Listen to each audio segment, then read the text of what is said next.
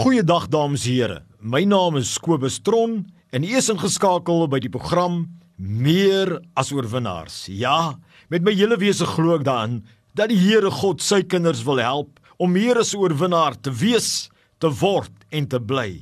Ons is mos tot alles in staat deur Christus Jesus wat ons die krag gee.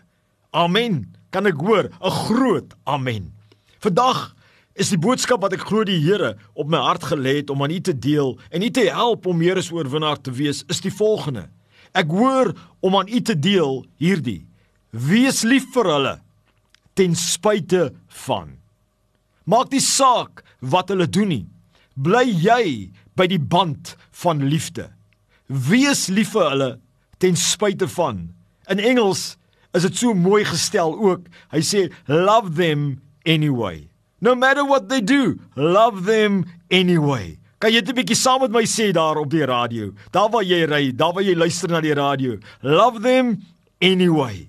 Moenie so emosioneel betrokke raak by daardie persone wat dalk vir jou haat, daardie persone wat jou misbruik, daardie persone wat jou kwaad doen nie, dat jy ook begin kwaad doen nie en kwaad met kwaad vergeld nie. Nee, wees lief vir hulle. Nee, asseblief. Jy sê Kobus, Jesus man, hulle stem nie saam met my nie. Wees lief vir hulle. Jy sê Kobus, hulle haat my. Wees lief vir hulle.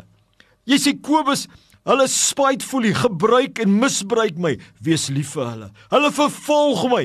Wees lief vir hulle. Hulle vertel leuns van my. Wees lief vir hulle sê die Here. Hulle opneer my. Reg? Wees lief vir hulle met die krag wat Jesus vir ons gee. Dit is wat ek glo, die woord van die Here vir ons sê. Dit is wat die skrif sê. Hy sê in Matteus 5:44 sê Jesus hierdie mooi woorde. Hy sê nie net ons moet lief hê as die wat vir ons liefhet nie. Hy sê julle moet julle vyande lief hê. Seën die wat julle vervloek. Doen goed aan die wat julle haat. Bid vir die wat julle beledig en vervolg. In 'n nutshell beteken dit vir my love them anyway. En dit is nie maklik nie, maar dis 'n noodsaaklikheid ter wille van hulle, ter wille van jou seëninge wat jy in jou lewe het. Maar kom ons gaan gou na die praktyk toe. Wat beteken dit dan om to love them anyway? Dit beteken dat jy aanhou goed doen vir hulle.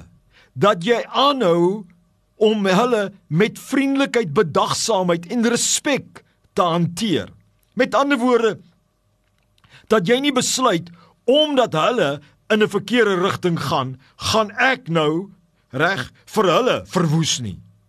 Nou gaan ek hulle besteel want hulle het my besteel nie.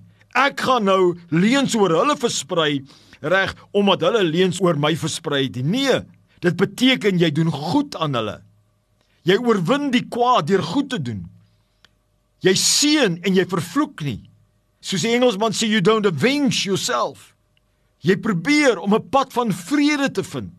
Jy bid vir hulle wat jou misbruik.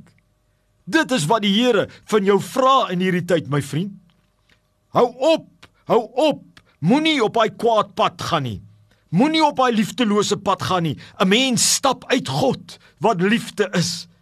Sê die Bybel dit nie so baie baie duidelik nie, soos wat ek nou net gesê het, maar jy sê Kobus, hoekom? Hoekom?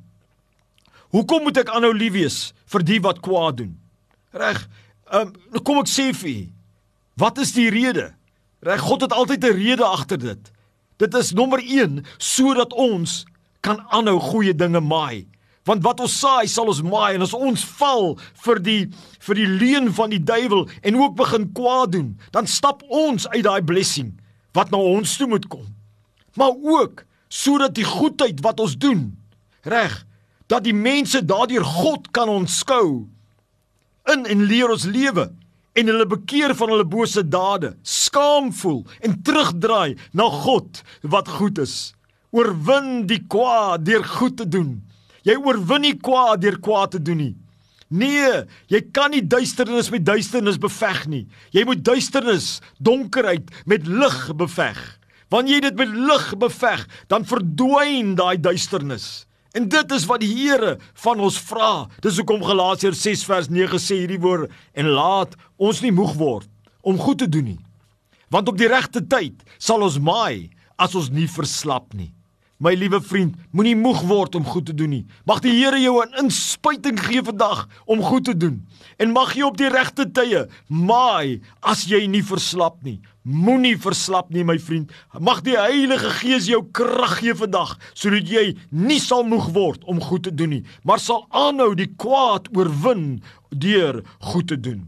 Maar ek wil ook dit vir u sê ter afsluiting om lief te hê en goed te doen aan ander ten spyte van beteken nie dat jy jouself op 'n vreedsame manier mag verdedig nie. Natuurlik mag jy. Dit beteken ook nie dat jy op 'n vreedsame wyse dit mag weerstaan nie. Dit beteken natuurlik beteken dit. Dit beteken ook nie dat jy mag veg en die wet gebruik aan jou kant onderworpe aan die stem van die Here nie.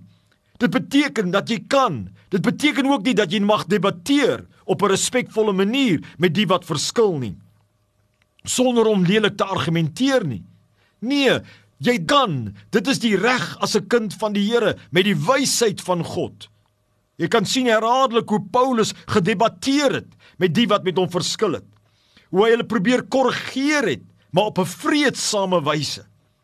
Reg. En waar hy by tydplekke weggevlug het van die wat hom vervolg het. Nie verkeerd nie onderworpe aan die Here, opgestaan het en voortgegaan. Maar, maar dan dink ons aan Stefanus wat gesê het: "Vader, vergewe hulle, want hulle weet nie wat hulle doen nie." Wat hy ook opgestaan het en klippe gegooi het nie, maar geweet het God is die regverdige regter. God is die regverdige regter. Wees lief. Maak nie saak nie wat nie, want deur dit Is jy die lig wat die duisternis wegdrywe?